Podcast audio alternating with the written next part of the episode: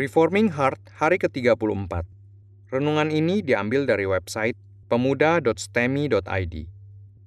Tema renungan hari ini adalah Daud meluputkan Saul. Mari kita membaca Alkitab dari 1 Samuel pasal 24 ayat pertama sampai 23. Demikian bunyi firman Tuhan. Daud pergi dari sana lalu tinggal di kubu-kubu gunung di Engedi. Ketika Saul pulang sesudah memburu orang Filistin itu, diberitahukanlah kepadanya demikian. Ketahuilah, Daud ada di padang gurun Engedi. Kemudian Saul mengambil 3.000 orang yang terpilih dari seluruh orang Israel, lalu pergi mencari Daud dan orang-orangnya di gunung batu kambing hutan. Ia sampai ke kandang-kandang domba di tepi jalan, di sana ada gua dan Saul masuk ke dalamnya untuk membuang hajat. Tetapi Daud dan orang-orangnya duduk di bagian belakang gua itu. Lalu berkatalah orang-orangnya kepada Daud, "Telah tiba hari yang dikatakan Tuhan kepadamu. Sesungguhnya aku menyerahkan musuhmu ke dalam tanganmu. Maka perbuatlah kepadanya apa yang kau pandang baik."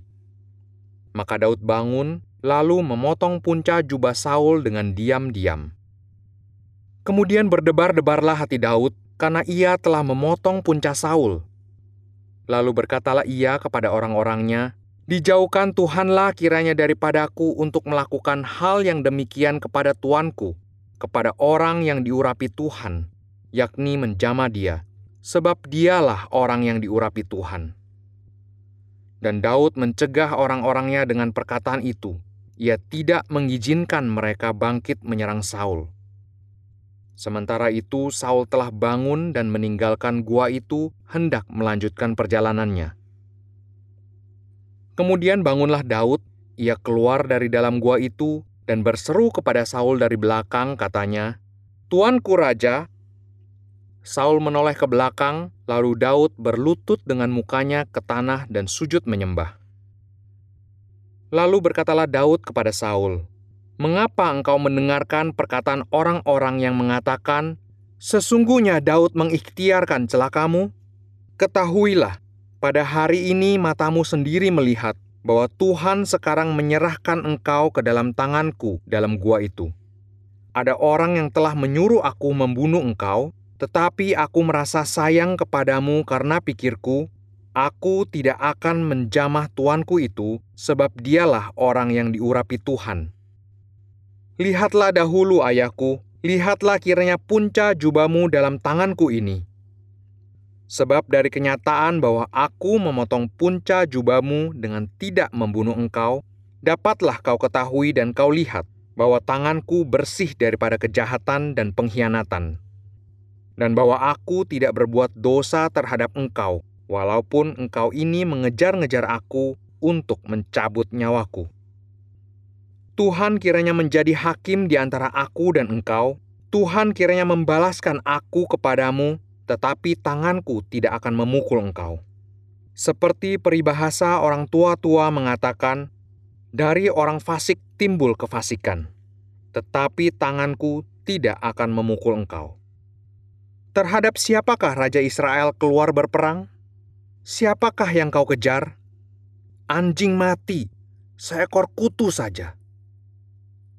Sebab itu Tuhan kiranya menjadi hakim yang memutuskan antara aku dan engkau. Dia kiranya memperhatikannya, memperjuangkan perkaraku, dan memberi keadilan kepadaku dengan melepaskan aku dari tanganmu. Setelah Daud selesai menyampaikan perkataan itu kepada Saul, berkatalah Saul, Suaramu kah itu ya anakku Daud? Sesudah itu dengan suara nyaring menangislah Saul. Katanya kepada Daud, engkau lebih benar daripada aku, sebab engkau telah melakukan yang baik kepadaku, padahal aku melakukan yang jahat kepadamu. Telah kau tunjukkan pada hari ini betapa engkau telah melakukan yang baik kepadaku. Walaupun Tuhan telah menyerahkan aku ke dalam tanganmu, engkau tidak membunuh aku. Apabila seseorang mendapat musuhnya, masakan dilepaskannya dia berjalan dengan selamat? Tuhan kiranya membalaskan kepadamu kebaikan ganti apa yang kau lakukan kepadaku pada hari ini. Oleh karena itu, Sesungguhnya aku tahu bahwa engkau pasti menjadi raja, dan jabatan Raja Israel akan tetap kokoh dalam tanganmu. Oleh sebab itu, bersumpahlah kepadaku demi Tuhan, bahwa engkau tidak akan melenyapkan keturunanku dan tidak akan menghapuskan namaku dari kaum keluargaku. Lalu bersumpahlah Daud kepada Saul. Kemudian pulanglah Saul ke rumahnya, sedang Daud dan orang-orangnya pergi ke kubu gunung. Mari kita merenungkan. Tuhan mempunyai rencana pembentukan yang begitu banyak bagi Daud. Setelah menguji dia dan menempanya di dalam berbagai-bagai bahaya, sekarang Tuhan menguji keberserahannya kepada penghakiman Tuhan. Ada dua kejadian di mana Tuhan menguji Daud. Yang pertama adalah ketika Saul sendirian dan dalam keadaan tidak siap.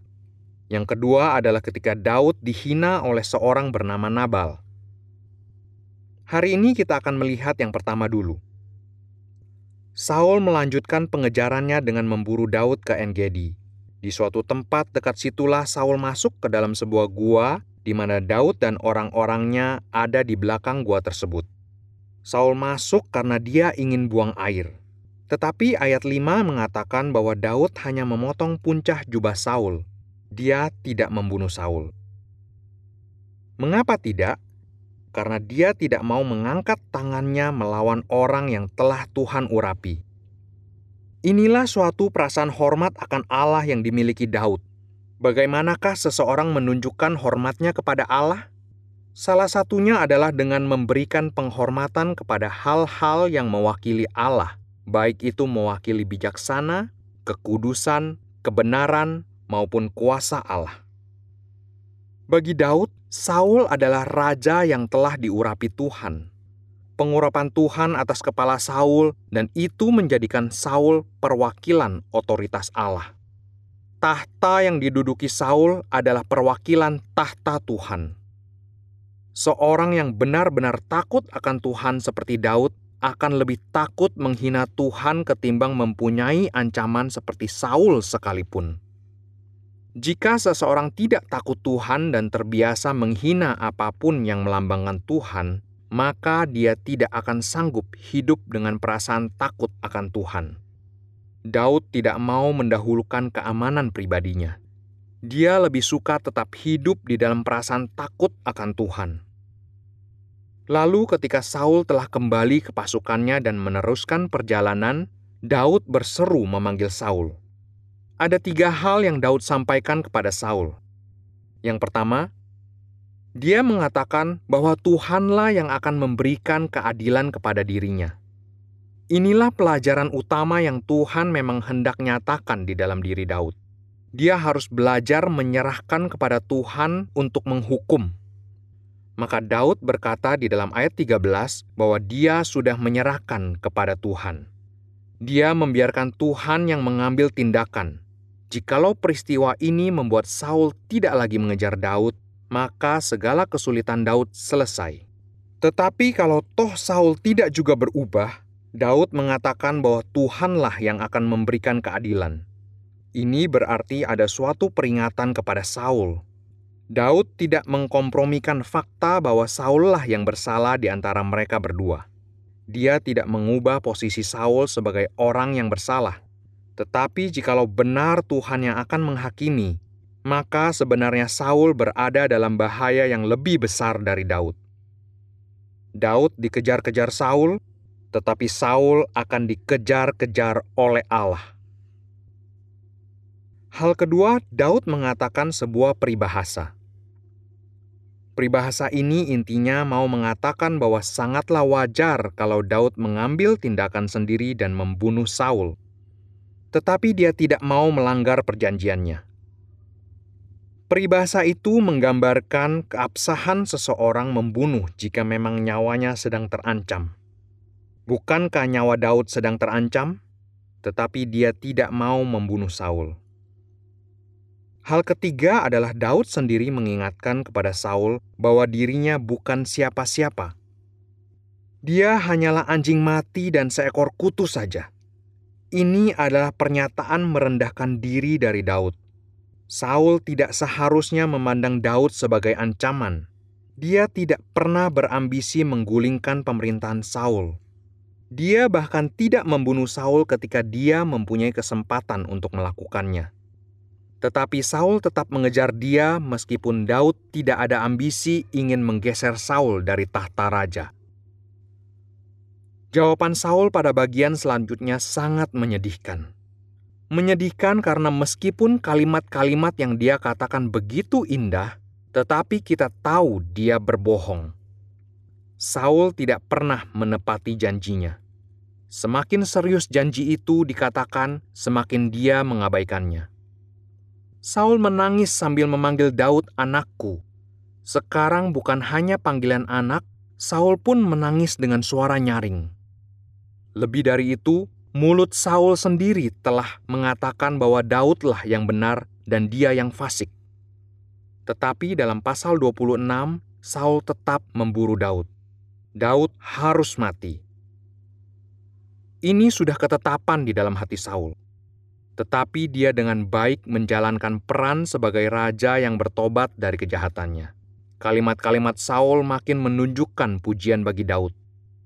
Saul mengakui Daud sebagai raja dan bahkan dia meminta Daud bersumpah untuk tidak menghapus keluarga Saul dan nama Saul. Daud bersumpah kepada Saul, tetapi Daud telah mengetahui bahwa Saul tetap akan menjadi ancaman bagi dia.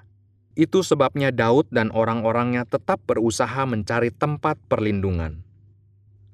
Betapa besar Daud memberikan penghargaan kepada urapan Tuhan atas Saul Bukankah Tuhan sudah menolak dia menjadi raja?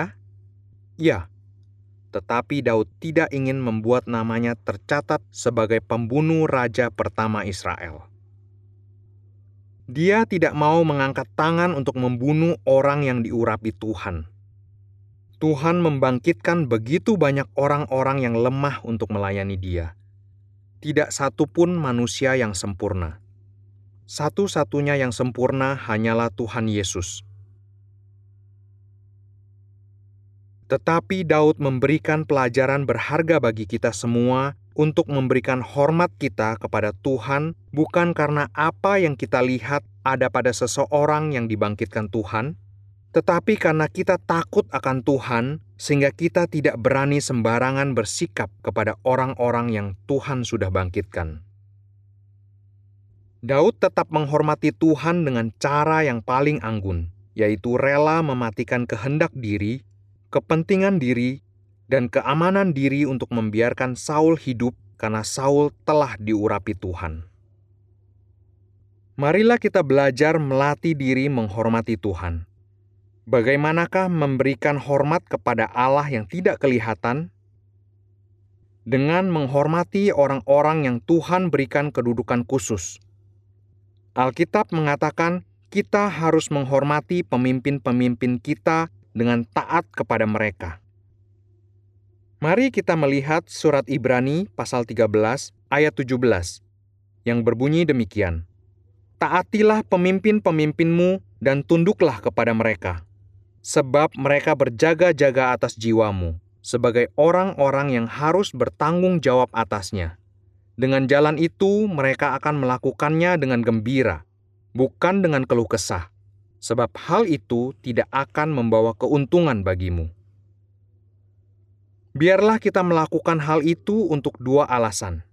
Yang pertama adalah karena inilah yang akan membuat keadaan harmonis di dalam gereja Tuhan. Inilah yang akan mendatangkan damai sejahtera. Pemimpin yang mengasihi mereka yang dipimpin dan anggota yang taat kepada mereka yang diangkat menjadi pemimpin. Alasan kedua adalah biarlah sikap hormat kita kepada Tuhan ditunjukkan dengan memberikan penghormatan kepada mereka yang Tuhan angkat untuk menjadi pemimpin kita. Tidak semua hal dari seorang pemimpin sesuai dengan kriteria ideal, tetapi biarlah kita belajar untuk memberikan penghormatan. Penghormatan yang diberikan karena kita takut akan Tuhan penghormatan yang perlu dipertahankan setelah belajar kembali dari sifat Daud yang tidak mau menjadi hakim atas Saul dan membunuh dia karena satu alasan, yaitu pengurapan Tuhan ada atasnya. Kita memang tidak akan membunuh siapa pun, tetapi penghormatan kepada seseorang demi hormat kita kepada Tuhan, itulah tekanan yang harus kita pelajari di sini. Mari kita berdoa. Bapa di dalam surga, kami bersyukur kepadamu karena Engkau memberikan firman-Mu kepada kami. Ajar kami untuk segera bertobat jika ada dosa dan kesalahan yang kami perbuat, agar kami tidak seperti Saul yang terpuruk semakin jauh di dalam dosa kami. Berikan kami kerendahan hati seperti Daud, untuk selalu menghormati orang-orang yang sudah Engkau tentukan untuk menjadi pemimpin kami, walaupun kami berada dalam posisi yang benar. Ajar kami untuk menantikan keadilan dari Tuhan, bukan menurut waktu dan kehendak kami. Terpujilah namamu. Hanya di dalam nama Tuhan Yesus Kristus kami berdoa. Amin.